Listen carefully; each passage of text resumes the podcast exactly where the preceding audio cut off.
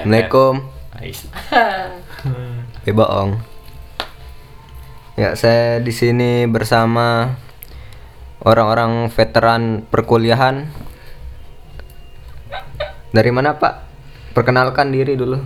Oh, saya Ya. eh, saya dari Universitas eh, Alphard.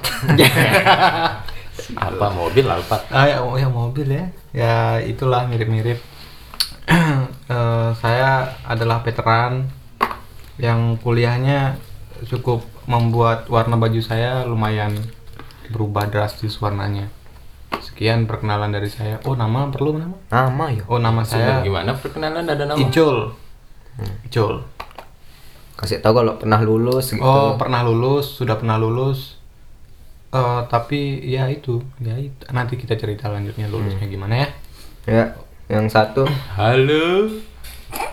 Saya Dede Anggrian Andika Adiputra.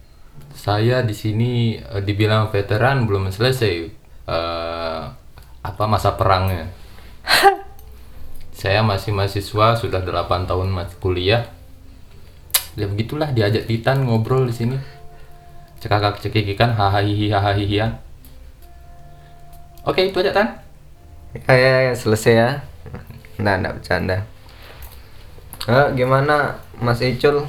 Apa nih? Jadi, Apa topiknya ini? apa topik kita nih menyinggung berbagai berbagai apa ya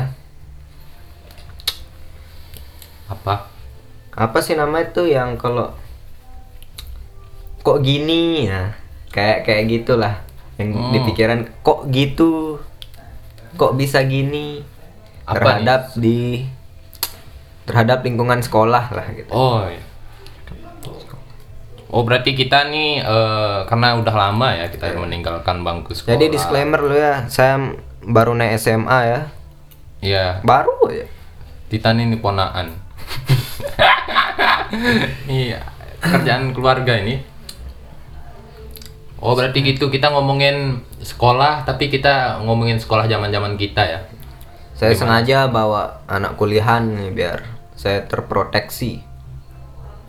Oh gitu. Oke. Hmm. Ada Icul di sini nih dia anak pendidikan soalnya. Dia guru mungkin enaknya gimana Icul lu ngelihat SMA dulu kita. Is. Oh, Kalau dalam konteks hari ini kan Titan yang jadi anak sekolah sekarang, mungkin kita komparasikan saja apa perbedaan-perbedaannya. ya oke. Dulu saya SMA masuk tahun Lupa 2000 2000 angkatan berapa? Grup keluar 2000 berapa? 2013. Hmm, Kamu angkatan 2010. Iya 2010 sekitar 2010 itu kurang lebih ya 2010. Nah di situ pertama saya masuk SMA itu eh nggak apa-apa lu sebutin nama sekolahnya? Sebut. Oh, Sa- sebut sa- ya. gurunya ada apa-apanya sebut. Saya SMA di Nanti tit. Nusa Tenggara Barat, kabupatennya, kecamatannya Gerung, terus eh, desanya Gerung juga namanya, letaknya tuh di Gerung juga.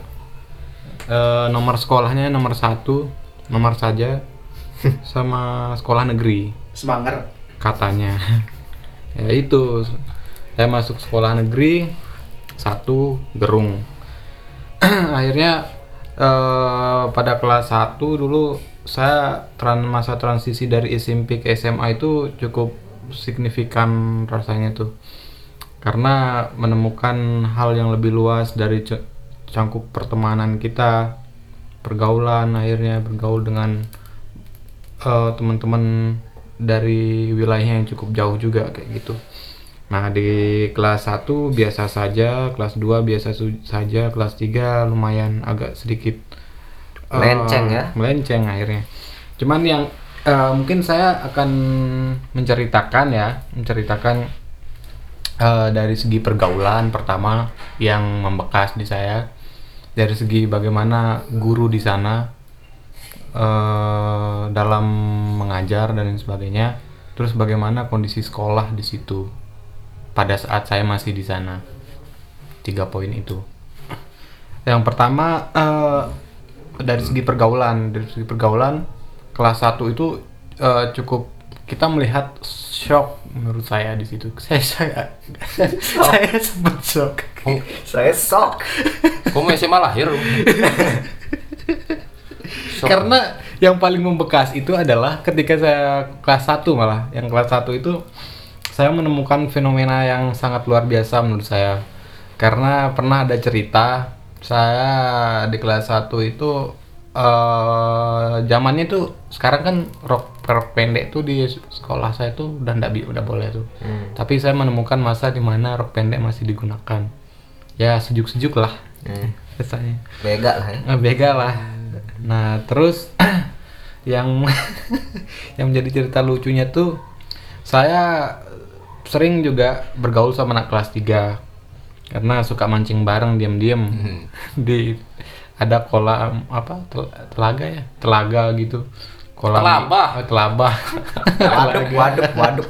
Labah, waker waker. Ya, eh, enggak kok kolam kolam kolam buatan sekolah gitu. Cuman ada isi ikannya gitu. Oh. Nah, jadi kan eh, anak-anak Empang negeri bukan Iya. empang swasta ya. Empang Iya, negeri. Empang negeri.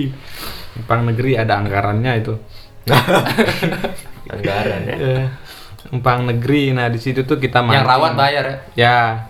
Kita mancing. Jadi setiap dari rumah itu kita bawa bekal kopi, ngopi di sana, mancing di sana, pakai bambu yang sudah kita siapkan dari rumah, kadang umpan dan lain sebagainya itu kita dari rumah. Nah, di situ kita mancing sama anak kelas 3. Mancing sama anak kelas 3. Kita ke masih kelas 1. Waktu itu beberapa teman kelas saya ikut juga. Nah, tapi eh tapi mengambil dari ikan itu ikan dari sekolah itu merupakan suatu hal yang sangat bahaya untuk siswa saat itu karena siap-siap kena hukuman ketika ditahu. Nah, karena kita agak sedikit masih membawa apa ya? Ya, ah, pengen asik lah kayak gitu.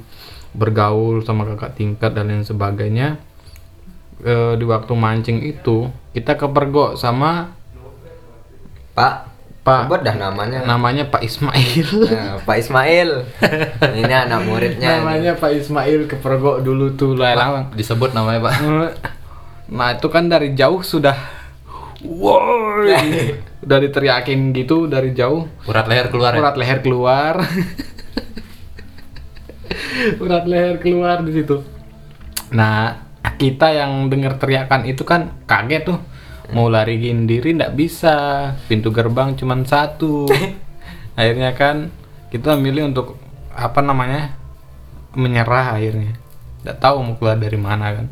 Nah dari situ tuh cepang cepeng cepang cepeng drududududus. Eh. Nah, dari situ dia tuh itu membekas sekali menurut saya dan pas pulang sekolahnya ada ibu namanya nggak tahu sekarang orangnya masih hidup atau bagaimana dia anak IPS kelas 3 saat itu dia salah satu pengguna motor Vespa ketika pulang dia adalah motor pertama yang harus start di depan gerbang Ah, tang tang tang. Iya, tang, tang tang tang dan adik kelas yang lainnya mengikuti itu. Nah, itu dari segi pergaulan tuh. Yang yang saya masih ingat dan sangat berkesan menurut saya. Eh, terus dari guru, Nah, dari guru itu saya cukup jengkel beberapa ke beberapa guru gitu. Eh, karena sempat membawa kesen ke guru yang guru itu ketika dia ada keluarga di sana itu rasa apa nama nilai itu menurut saya cenderung dilindungi dia dari segi nilai dan Apa? sebagainya. Ni- Nilai gimana maksudnya? ya ketika dia misanan tuh misal nah dia agak Ah. dilindungi itu ketika misal oh, ibu dan sebagainya ya, ya. Proteksi tambahan. iya Village, village. Privilege. privilege-nya seperti itu dan misal si- dia suka sen- sentimental tuh kadang tuh ada ada pernah terjadi teman kelas saya ada ada guru yang suka kayak gitu. Akhirnya eh, itu dan menjadi mood dalam dia mengajar. Itu sangat mengerikan sekali menurut saya ketika ketemu gu- guru seperti itu. Dan dia ketika mengalami masalah apa pun dalam mengajarnya itu berpengaruh. Nah, itu. Coba guru-guru jangan terlalu baperan tuh. Jangan terlalu bawa hal-hal yang bersifat pribadi karena eh karena Tahun anak berapa itu? tuh. Tahun 2011 mungkin. 11 12 lah. 11. Hmm, Masih imo ya, masih ya imo. masih imo itu. Masih Wah, imo. 2011 sih. Anak racing. Oh, Nah, racing, oh iya, racing, racing, ya, racing anak tuh. etching. Etching tuh. Nah, di situ guru tuh. Nah, banyak terus juga ketimpangan-ketimpangan yang saya lihat akhirnya dari guru yaitu salah satunya juga cara mengajar. Cara mengajar itu eh, sangat monoton lah. Buda- Konservatif. ya konservatif sekali mengajarnya. Hanya berbekal bagaimana kita berpatok sama satu tema yang dia ajarkan di saat itu. Maksud dalam artian eh, dia menjelaskan tentang A tentang A. Nah, dia tidak menunjukkan kita jalan lain untuk menuju A itu. Begitu dari gurunya. Nah, terakhir dari apa tadi? Sekolahnya. Nah, infrastruktur dan lain sebagainya. Dari infrastruktur eh, menurut saya itu masih sangat kekurangan sekali soalnya dari komputernya waktu itu cuman beberapa itu kadang kalau tabrakan itu saya bingung ada kadang jam tabrakan kok kita tidak bisa menggunakan yang apa namanya ruang komputer akhirnya nah terus labnya juga itu itu aja tidak perlu tidak tidak pernah ada pengembangan dari lab dan lain sebagainya apa fungsi lab kan untuk meneliti apa itu Bisa main Zuma. iya Iya, aja. nah di situ itu itu saja ya kata yang di awetin terus kelawar yang Oh, diawetin belum saya dapat cuman pelajaran tuh. Fermentasi. hmm, fermentasi Buat yogur. buat yogurt terus eh, ada patung tengkorak Oh iya. iya. Mm, Nah, hal-hal seperti itu tuh kan hanya pajangan, cuman tidak kadang luput dari penjelasan secara mendalam. Apa fungsinya dia dibedah kalau tidak dibahas secara dalam akhirnya. nah, di situ tuh. Eh, tapi nggak tahu sih mungkin saya nggak merhatikan saya duduk paling belakang. Iya kan sekolahmu tiduran, Cuk. Nah, sekolah tidur, cuman kritik saya terhadap eh, diri saya mungkin di situ ya. Tapi saya rasa itu tidak dibahas secara dalam menurut saya. Seingat saya lah itu. Nah, jadi poin yang saya dari yang tiga tadi itu ya sekolah adalah tempat di mana akhirnya kita sebenarnya eh, asik-asikan lah santai. Cuman belajarnya harus benar-benar belajar. Nah, dan guru ketika ketika anak murid eh, salah atau keliru janganlah sampai apa eh, membuat anak murid itu lebih bodoh lagi dengan omongan dengan penjelasan penjelasan kalian karena guru kan nggak selamanya benar dan siswa nggak selamanya salah juga Gimana pendapat gitu. Pak Dede mengapa terjadi hal seperti itu di lingkungan Sekolah ya. sekolah ya? Saya sih nggak tahu pasti ya. Saya cuman share pengalaman aja. Saya nah gitu tuh mungkin Dede ceritakan pengalaman yang di sekolah pengalaman saya sekolah. Sebenarnya kalau ingat pasti dia seperti tahun 2020 sekolah itu. Tidur. tidur aja. Tidur makan tidur. Tapi memang ada beberapa hal yang sangat menarik minat kenapa akhirnya eh, kok gitu ya? Di di apa di ujung-ujung ujung di umur umur segini oh iya anda Mulai mulai sekolah. kritisnya lah SMA. ya mungkin begitulah. Nah pas saya sekolah itu saya itu termasuk eh, apa ya pelajar yang gedung pendidikannya tuh enggak di sekolah-sekolah yang populer. Termasuk sekolah-sekolah apa istilahnya eh, favorit. Subordinat lah hanya bagian-bagian supporting sistemnya kemudian ada sekolah itu Ah, saya masuk di sana tahun 2009 masuk masuk SMA itu. Memang kalau ngomongin anu sih saya nggak tahu ya tapi kenapa ada sekolah yang populer dan ada sekolah yang kemudian sifatnya tadi yang subordinat tadi? Menurut saya di tengah nggak tahu saya apakah itu sudah ada narasi narasi eh, pendidikan merata dan lain sebagainya tapi ada eh, pembedaan-pembedaan seperti itu. Saya nggak tahu pas dengar cerita-cerita pas awal kuliah ketemu orang-orang yang sekolahnya lebih baik lah katakan lebih populer ketemu sama orang-orang itu ih sekolah saya komputer lab komputernya komputernya 30 loh. Nah kita ini komputer 30 nyala 4 pakai Windows 2007 eh enggak sih Windows berapa gitu yang tua gitu pokoknya enggak ya bisa main anu tuh feeding frenzy. Iya, yang main gitu. Red, Feeding A- frenzy. Red Alert, Cok. Tapi mau yang main perang-perangan. Red Alert kah apa namanya itu? Ada yang perang-perangan strategi itu, itu masih bisa. Buka Microsoft aja agak lamban. Internetnya hanya satu komputer kok nggak salah saya itu di sekolah itu. Nah gitu. Pas ketemu-temu sama teman-teman saya yang pas kuliah resek tuh bisa ada diam. SMA mana dulu hip lah emang. Nah itu udah sekolah, jangan pokoknya sekolah yang nggak populer di kota Oh, iya Mataram. sih. Malu dia malu. Enggak, bukan malu. Ya itulah, itulah Ah, nanti iya. itu persoalan yang lain. Itu terus eh apa lagi? Kalau lingkungan sosial sekolah saya enggak tahu saya mungkin ada beda dengan hari ini. Kalau saya dulu sekolah itu guru jarang masuk, guru jarang masuk, ko- kondisi-kondisi belajarnya guru jarang masuk. Tapi memang ada beberapa guru itu yang saya suka cara ngajarnya. Dan saya hanya fokus belajar di situ di satu mata pelajaran atau tiga mata pelajaran itu aja. Karena beberapa mata pelajaran yang lain saya bukan tidak suka mata pelajarannya tapi subjek yang mengajar orang si pengajarnya yang saya tidak. Si guru. Heeh. mungkin itu persoalan preferensi atau gimana? Tentu itu persoalan pre- preferensi menurut saya. Karena eh, kalau kita ngajar inputnya itu kan ngomongin siapa yang memberi output untuk masuk ke kita. Nah itu sih.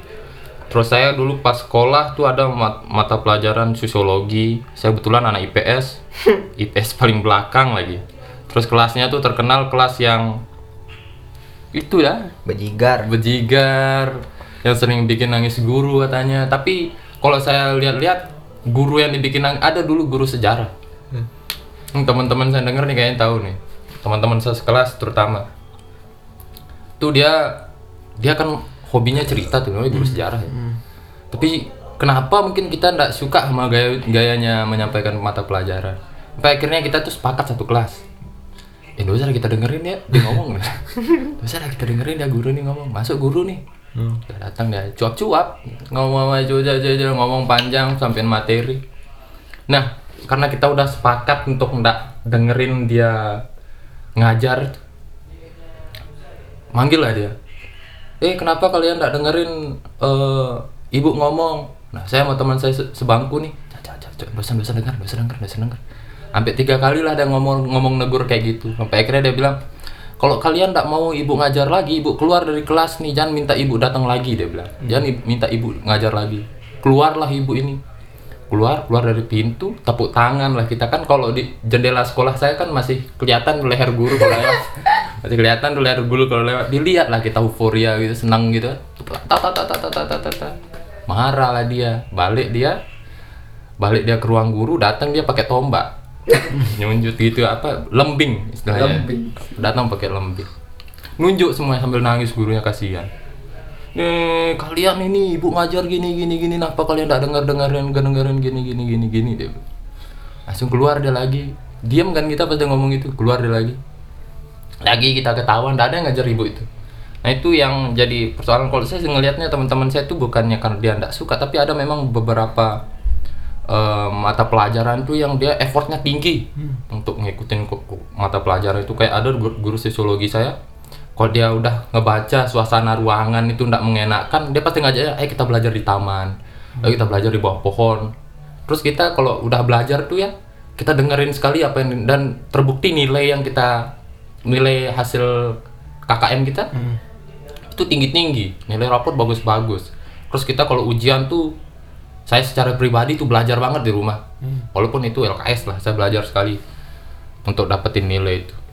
Itu terus ada guru akuntansi saya juga enak sekali. Nah itu persoalan yang ada beberapa kita mungkin kalau ngomongin pinter ndak pinter itu persoalan ada hal lain juga yang perlu di ada variabel lain juga yang harus kita lihat kayak gurunya bagaimana cara menyampaikan materinya terus eh, ketertarikan pembacaan suasana dan lain sebagainya itu penting juga untuk kita ngomongin dalam siklus belajar itu sih saya nggak tahu saya hari ini apakah ada perubahan atau bagaimana. Kalau saya di sekolah saya yang kemarin itu saya lihat udah beberapa guru yang saya sukai itu udah berhenti mengajar. Itu sih setan kalau ngomongin suasana-suasana belajar di sekolah dulu. Terus saya pernah tuh di sekolah saya ini kan anu hobi enggak sih hobi ribut kebetulan aja orang tawuran tuh ada saya gitu SMA lah ya. SMA lah. Itu yang buat seru itu cerita-cerita apa ya di di balik undergroundnya lah. Cerita undergroundnya yang buat seru sekolah. Itu sih saya kan saya kayaknya ndak dapat saya itu.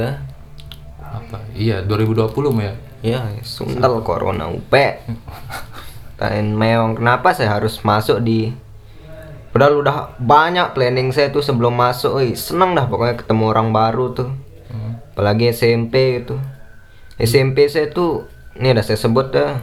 Eh saya benci sama SMP saya, SMP 7 Eh, eh Oh, kal-? Eh, isi. Iya nih, Pagutan, Sundel.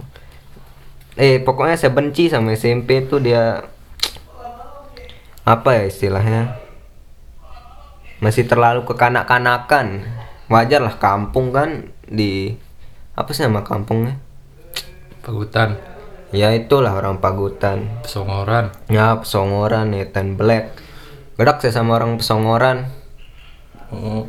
Oh, oh ini wadahnya Titan anu nih ngedumel. Ya pokoknya saya banyak saya mau omongin. Intinya tiga tahun tuh ndak betah saya di SMP tuh. Ndak ada saya dapat apa-apa kecuali saya dapat ijazah aja biar ngelanjutin SMA awal-awal sebelum masuk SMP tuh ya udah euforianya ketemu orang baru asik. Tapi pas sudah masuk. Eh 2020 yang di kalender Maya udah kiamat. Apa ya? Apa-apa yang dibenciin Titan dari aspek apa? Mengajarnya atau lingkungannya orangnya orangnya hobi bullying atau apa? Ya ada lah separuhnya tapi masih mengandalkan fisik ya. Tau lah fisik saya ya ya ya kecil ya. Kecil. Tulang aja bro. Kalau saya dulu untungnya sekolah saya tuh cul nggak ada. Bully bullying tuh nggak kayak pas SMP hmm. Pas saya SMP tuh tan bayangin. Baru kan dulu ada anu ya sekte-sekte dulu. Misalnya anak kampung ini nih itu dah tuh yang megang di sekolah itu anak kampung ini pegang di WC anak kampung ini pegang di kantin. Nah bagian saya nih karena saya kan anak komplek kom- kelompok kelompok kelompok kelompok pendatang tuh. Kelompok pendatang. Jadinya nyebar semuanya jadi rada penjilat semua teman-teman saya nih. Dia ada yang melimpir ke kampungnya ini ada yang melimpir ke kampungnya ini. Jadi kita temenan itu kalau di mobil pas mau pulang.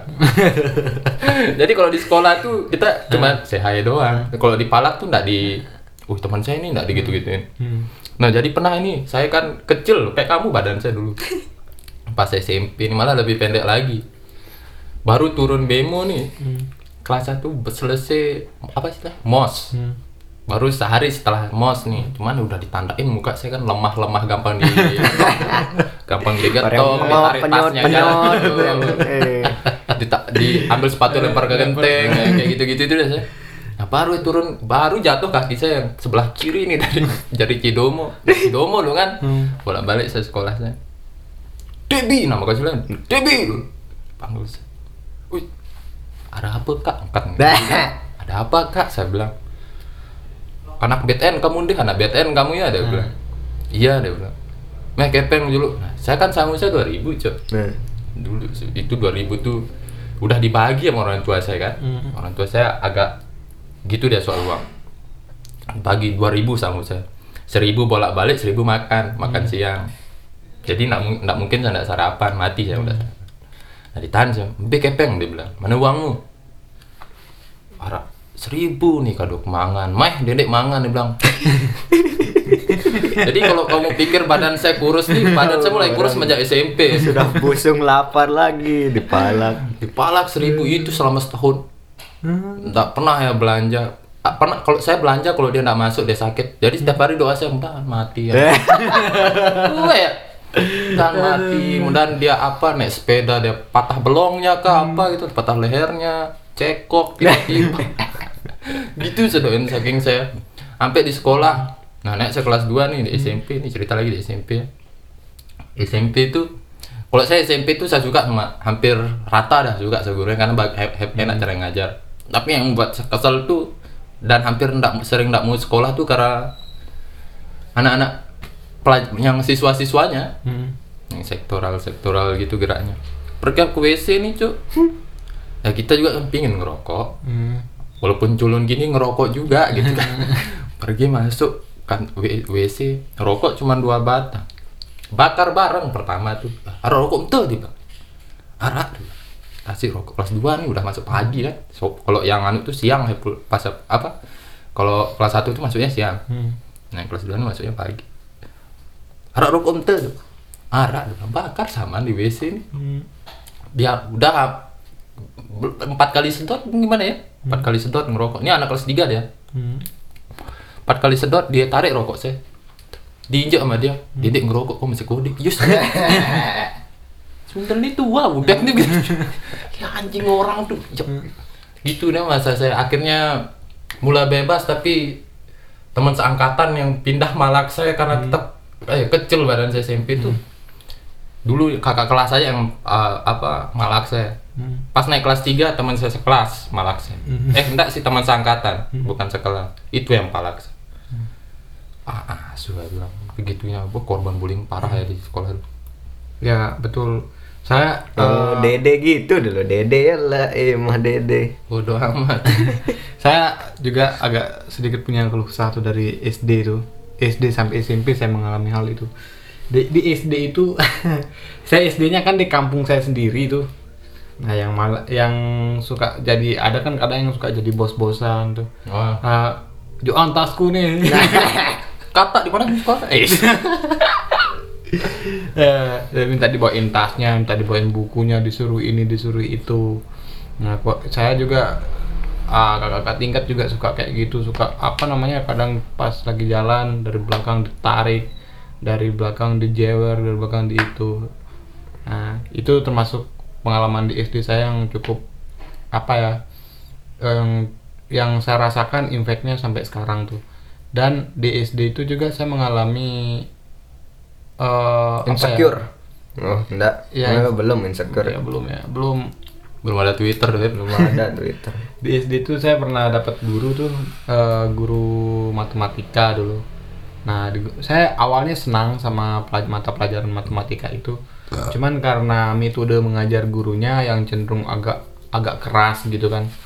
Agak keras itu saya saya apa ya eh, kayak punya trauma sendiri karena pembawaan dari keluarga pun cukup cukup begitu caranya dan saya menemukan itu di sekolah juga dan cukup eh, agak memberikan efek samping akhirnya. minum Saya- obat ada efek saya, samping saya di ini dia dia sempat menggunakan penggaris sampai eh, sebagai bentuk apa ya?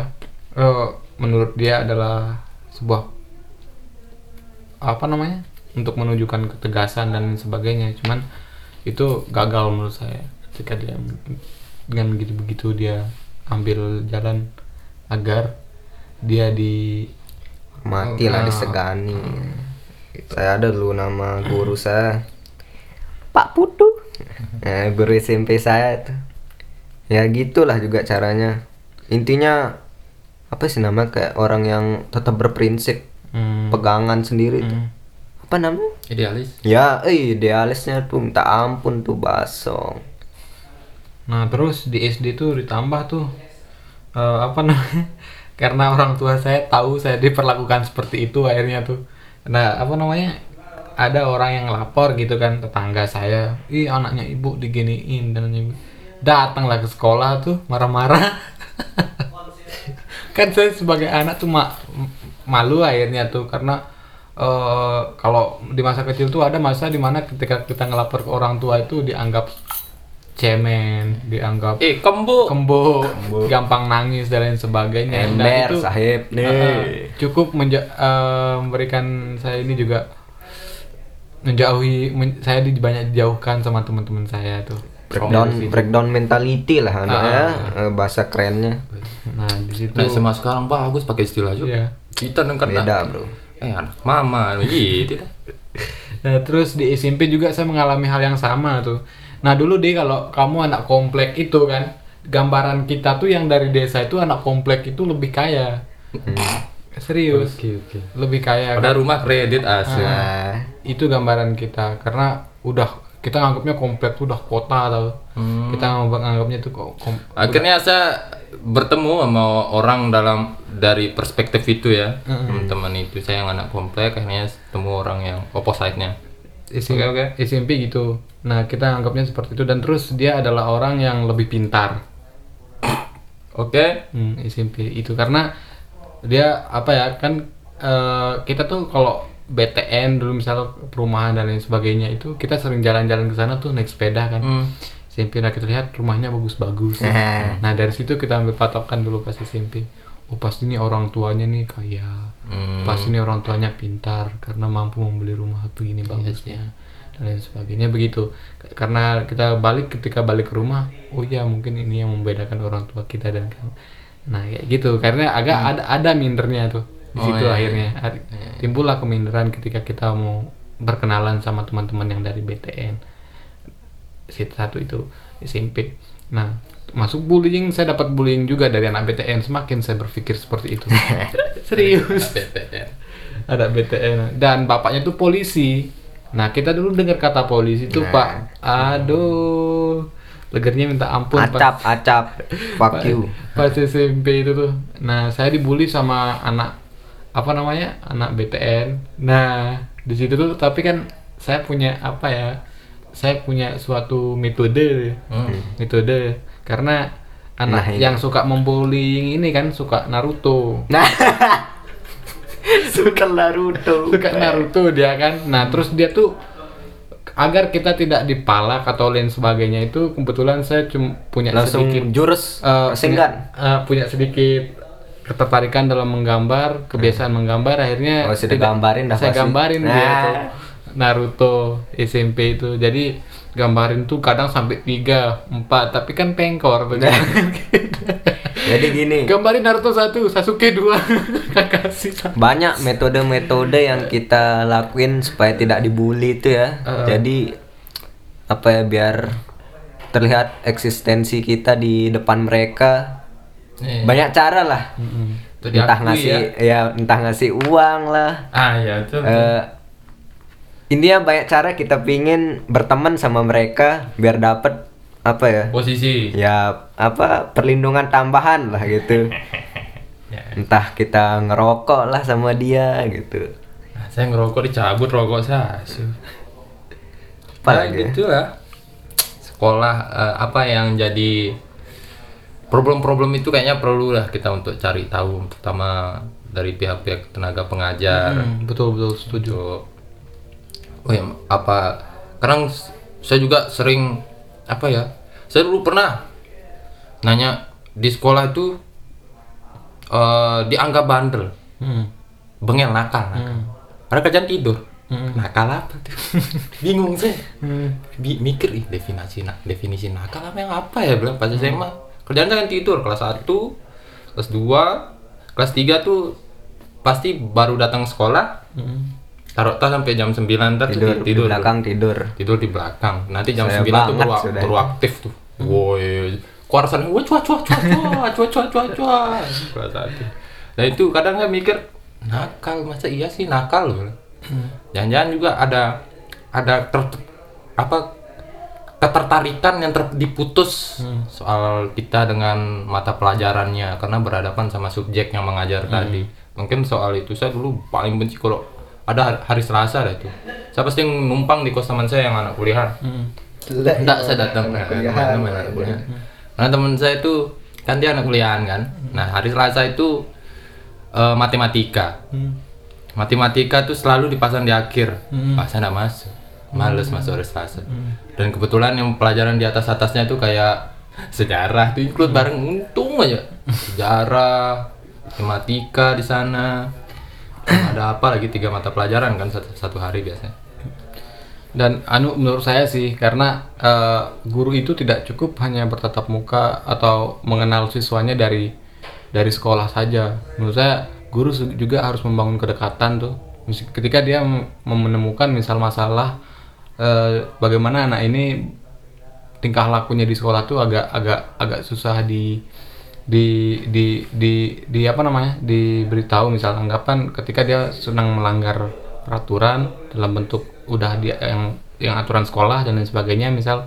Nah itu guru perlu membangun kedekatan mungkin dia ke mendatangi ke rumahnya secara langsung menanyakan apa problem Tahu dari anak belakang Iya, tahu latar belakang.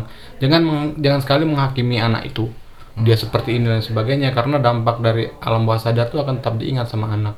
Contoh saya eh, pernah di SMP itu dia saya mau pipis nih. Anjing betul tuh. Hmm. sampai kapan pun akan tetap saya inget tuh. Soalnya itu mental soalnya di yang menurut saya di- yang diserang saat itu. Hmm. Eh, saya ketemu saya mau pipis saya izin tuh ingat saya hari Rabu ingat betul saya. Hari Rabu pakai batik saya mau pipis keluar kelas lewat lapangan kan kalau mau ke kamar mandi tuh lewat lapangan nah adalah kelas yang lagi sedang di lapangan basket waktu itu ada kelas yang lagi olahraga nah kebetulan gurunya nih dia lagi kompa bal bola poli bal Kompa jam bal. Bal. Pompa. Bal. Kompa, kompa. Pompa. dia lagi pompa pompa bal bo bahasa Bola, bola. Bola Bal, poli. Bal, Bal adalah bola. Hmm, bal adalah bola saya salsanya salsanya bang nah bola poli itu sedang di kompa tuh. Nah terus saya lewat dipanggil lah saya. Hmm. coba minta tolong eh, kamu pegangin saya ini saya mau pompa bola poli ini. Hmm. saya pegang dia anginnya nggak masuk tuh pas saya pegang. Udah dikerok, minuman tangan. anginnya nggak masuk pas dipompa bola itu Hmm. Nah terus ya udah bapak yang pegang kamu yang pompa. Saya yang pompa dia pegang. Nggak masuk juga anginnya. Terus nah itu saya bingung tuh nalarnya di situ tuh. Nah saya disuruh pegang lagi. Dia pompa nggak masuk. Hmm. ya.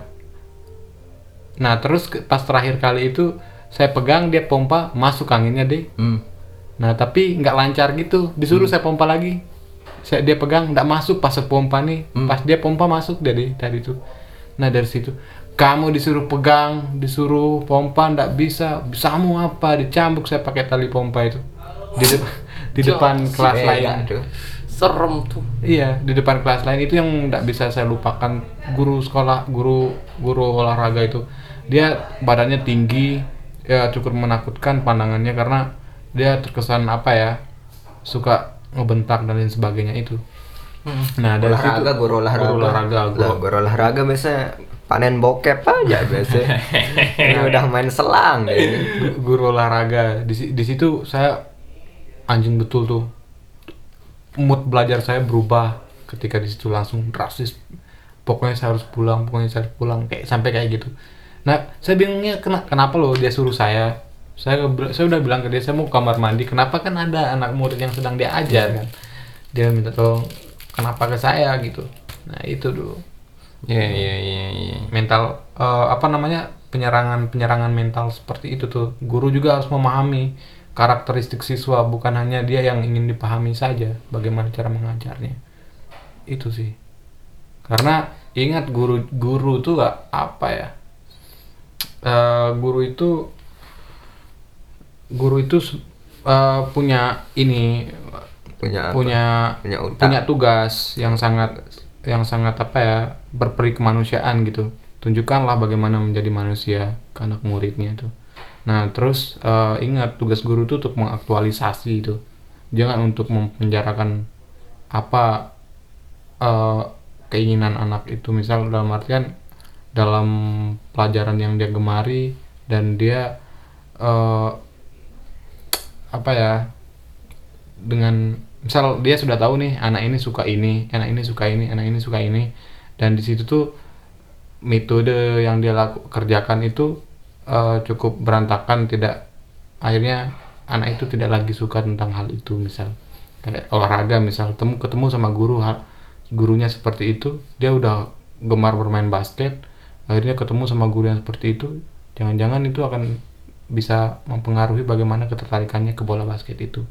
Nah tugas guru itu adalah bagaimana untuk mengaktualisasi akal manusia yang sudah diberikan sama Tuhan itu rata diberikan itu nah. Wah Tuhan. Eh, itu karena kan yang memberikan kita sudah dianugerahi ini akal pikiran. Siapa Tuhannya itu? Jangan Tuhan Tuhan banyak nama Tuhan. Ya ada.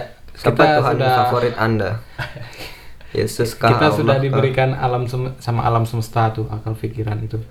Nah jadi kita tugas guru itu untuk mengaktualisasi akal pikiran itu. Nah beda juga sama kalau yang ada di pendidikan namanya behavioristik tuh guru harus menjadi mem- me- membimbing siswa dalam menulis apa yang dia inginkan siswanya Ini dah nih. Masalah rambut. salah rambut mulainya dari mana nih rambut Saya, dah. saya tuh paling kesel pokoknya. Jadi dulu saya setiap hari pakai topi di SMP karena anak band lah ya masa ndak panjang rambutnya. Intinya menjaga menjaga image saya lah gitu ya. Jadi setiap hari tuh saya pakai topi biar Rambut ketutup. ya rambut ditutup sama topi setiap hari lah gitu untuk menghindari siapa nama guru BK saya dulu siapa namanya Siapa? cewek pokoknya Nah, itu dah. ya itu dah kenapa sebenarnya kan rambut tuh termasuk apa ya kayak hak Kebebasan berekspresi. iya kayak itu Hak individu. diri diri kita loh kok bisa diatur sama sistem gitu Mm-mm. kenapa gitu bagian diri kita tuh kok bisa gitu rambut loh maksudnya Hmm. kenapa gitu coba Mas Dede kenapa Mas Kenapa Dede ya? Nah, saya juga nggak tahu bagaimana sih sebenarnya sistem pendidikan kita. Kalau di saya nonton di film-film nih, oh, baju bebas gitu ya. Terus eh, rambut bebas. Tapi saya nggak tahu kenapa di Indonesia begitu. Dan itu saya juga tiba-tiba sekolah udah begitu sistemnya. Nggak tahu saya bagaimana. Kemudian saya juga belum cerita lebih mendalam. Hmm. Mungkin kalau menurut saya begini sih ya, Eh, karena sistem itu kan apa ya, eh, sistem pendidikan hari ini tuh kan cukup semrawut menurut saya tuh, tidak tertata dengan baik kadang. nah kalau kita bandingkan misal dengan negara-negara di Amerika yang cenderung dia adalah negara yang liberalis mungkin kan, Hmm. nah dia dia dibebaskan dengan hal-hal bagaimana cara berpakaian dan lain sebagainya kan cuman ketika dia udah ke ranah yang akademisi itu harus bisa dipertanggungjawabkan sendiri nah kita kalau kita itu kan mungkin itu adalah segi dari negara kita yang sosialis tuh. Karena dari potongan rambut pun kita diatur. Dari seragam pun kita diatur. Dari eh, tema apa yang kita harus pelajari juga kita sudah diatur. Nah kalau kecurigaan saya akhirnya nggak tahu sih ya ini cuman curiga aja nih akhirnya. Eh, dari semua semua itu tuh akan menghasilkan ketidak ketidakjelasan menurut saya. Karena cukup banyak tuh mata pelajaran mata pelajaran misal yang tidak yang anak muridnya ini benci kadang tuh kan mem- mempengaruhi sekali akhirnya. Misal saya ketertariknya sama bahasa Indonesia dan saya benci sama matematika. Selain latar belakang bencinya misal karena gurunya. Misal terus cara mengajarnya lain sebagainya. Itu termasuk apa ya eh semrawut menurut saya gagal dia sebagai sistem akhirnya. Karena sebaik-baiknya sistem tuh menurut saya adalah sistem yang sound kompleks system. Ya. Sebaik-baiknya sistem adalah sound system. sound Sound system, system. paling baik. Sebaik-baiknya sistem adalah ah ya. sebaik-baiknya sistem adalah sistem yang tidak baik. Nggak tahu sih. Nggak nggak ada Tuh apa Nah, yang- kayak- apa? Yang rambut itu yang itu. dulu tuh apa sih yang Apa? dari tentara tuh Oh iya, itu dia. Jadi Eh, dulu. ah, jadi dulu tahun 70-an itu tuh ada ada suatu radio yang menyiarkan tentang eh, wawancara itu, wawancara tentara gitu, TNI, TNI di radio. Nah, di situ tuh eh, karena tentara itu eh, image-nya itu di, di masyarakat disiplin waktu, disiplin tenaga, disiplin semuanya itu. Nah, di situ tuh akhirnya eh, si penyiar radio tuh bertanya, bagaimana Anda mendidik anak Anda? Bagaimana Anda menerapkan disiplin dan lain sebagainya? Dan si tentara ini menjawab dia sebagai porsi kepala keluarga. porsi keluar keluarga lu bagaimana cara mendidiknya di keluarga itu ya dia bilang dari segi ini dari segi ini termasuk hal yang rambut yang dia bilang itu nah ketika dia bilang seperti itu orang-orang dari akademisi mendengar. Nah diterapkanlah dari situ. Ya. Diterapkannya dari situ pertama.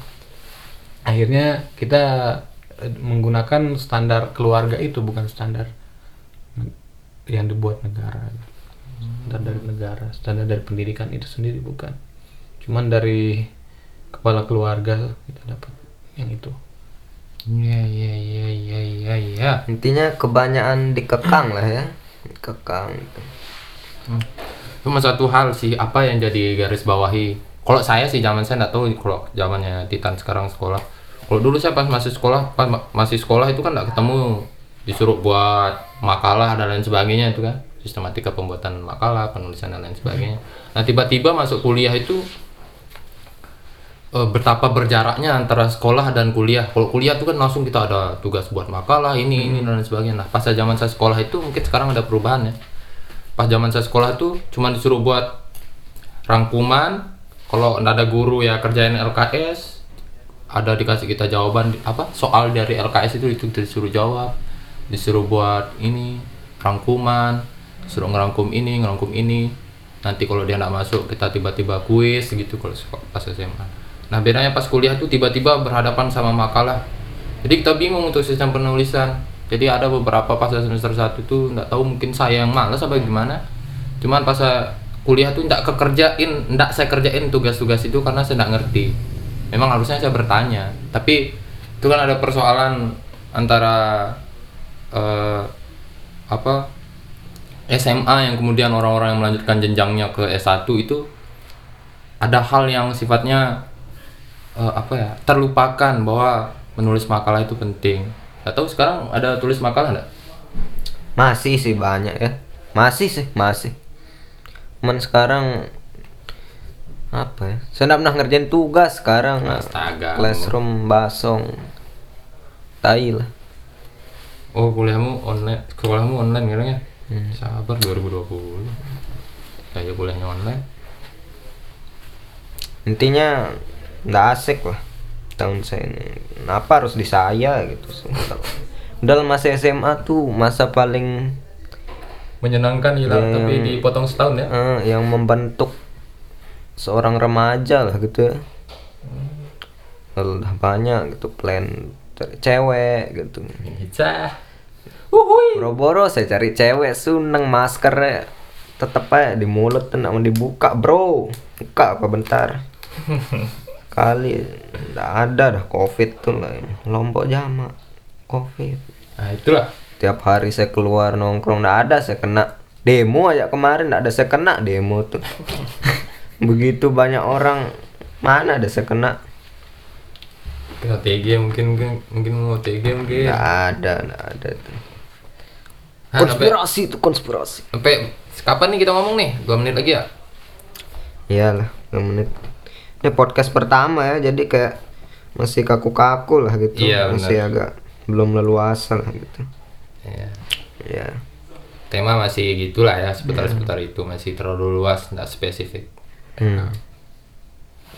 Ya itu podcast Titan, Titan tutup dong.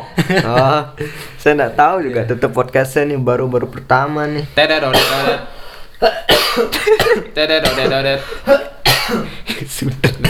Langsung covid deh, Mas, bisa mic-nya dimatiin matiin Mas lah. Webinar, webinar, webinar. Ya, se- sekian lah ya. Segini? Iya. Ya. Kepanjangan nanti nggak ada yang mau nonton. Eh, bisa Eh, kekat nggak nih? Nggak ada yang mau nonton, denger lagi. Apa saya yang tutup? Ya, tutup Kamu lah yang punya wadah Oh. anjir. Eh, jadi mendengar kami berdua bagaimana anda bertiga. oh ya bertiga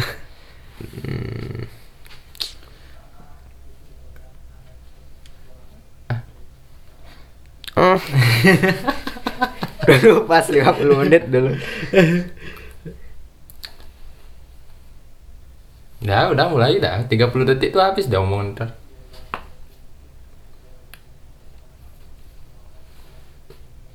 apa ya ya udah saya tutup mm, podcast kali ini dengan mengucapkan Terima kasih. Terima kasih mau share juga enggak apa-apa.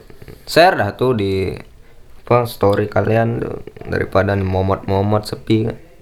Biar keren gitu denger Sapien podcast biar Sapien gitu. Ya dah. Ya ya dah ya dah diri. apa? Saya bilang assalamualaikum tapi jangan. Awkward deh. awkward. Ada Tuhan saya. Bukan saya aja. Ya udah sekian. Selamat siang pagi malam Untuk para pendengar, untuk para pendengar. saya Dede Anggrian Andika Adi Putra mohon pamit. Saya Icul, mohon pamit. Saya Titan. Pamit ya. Dadah. Iya dah. Ya. Iya dah. Ah.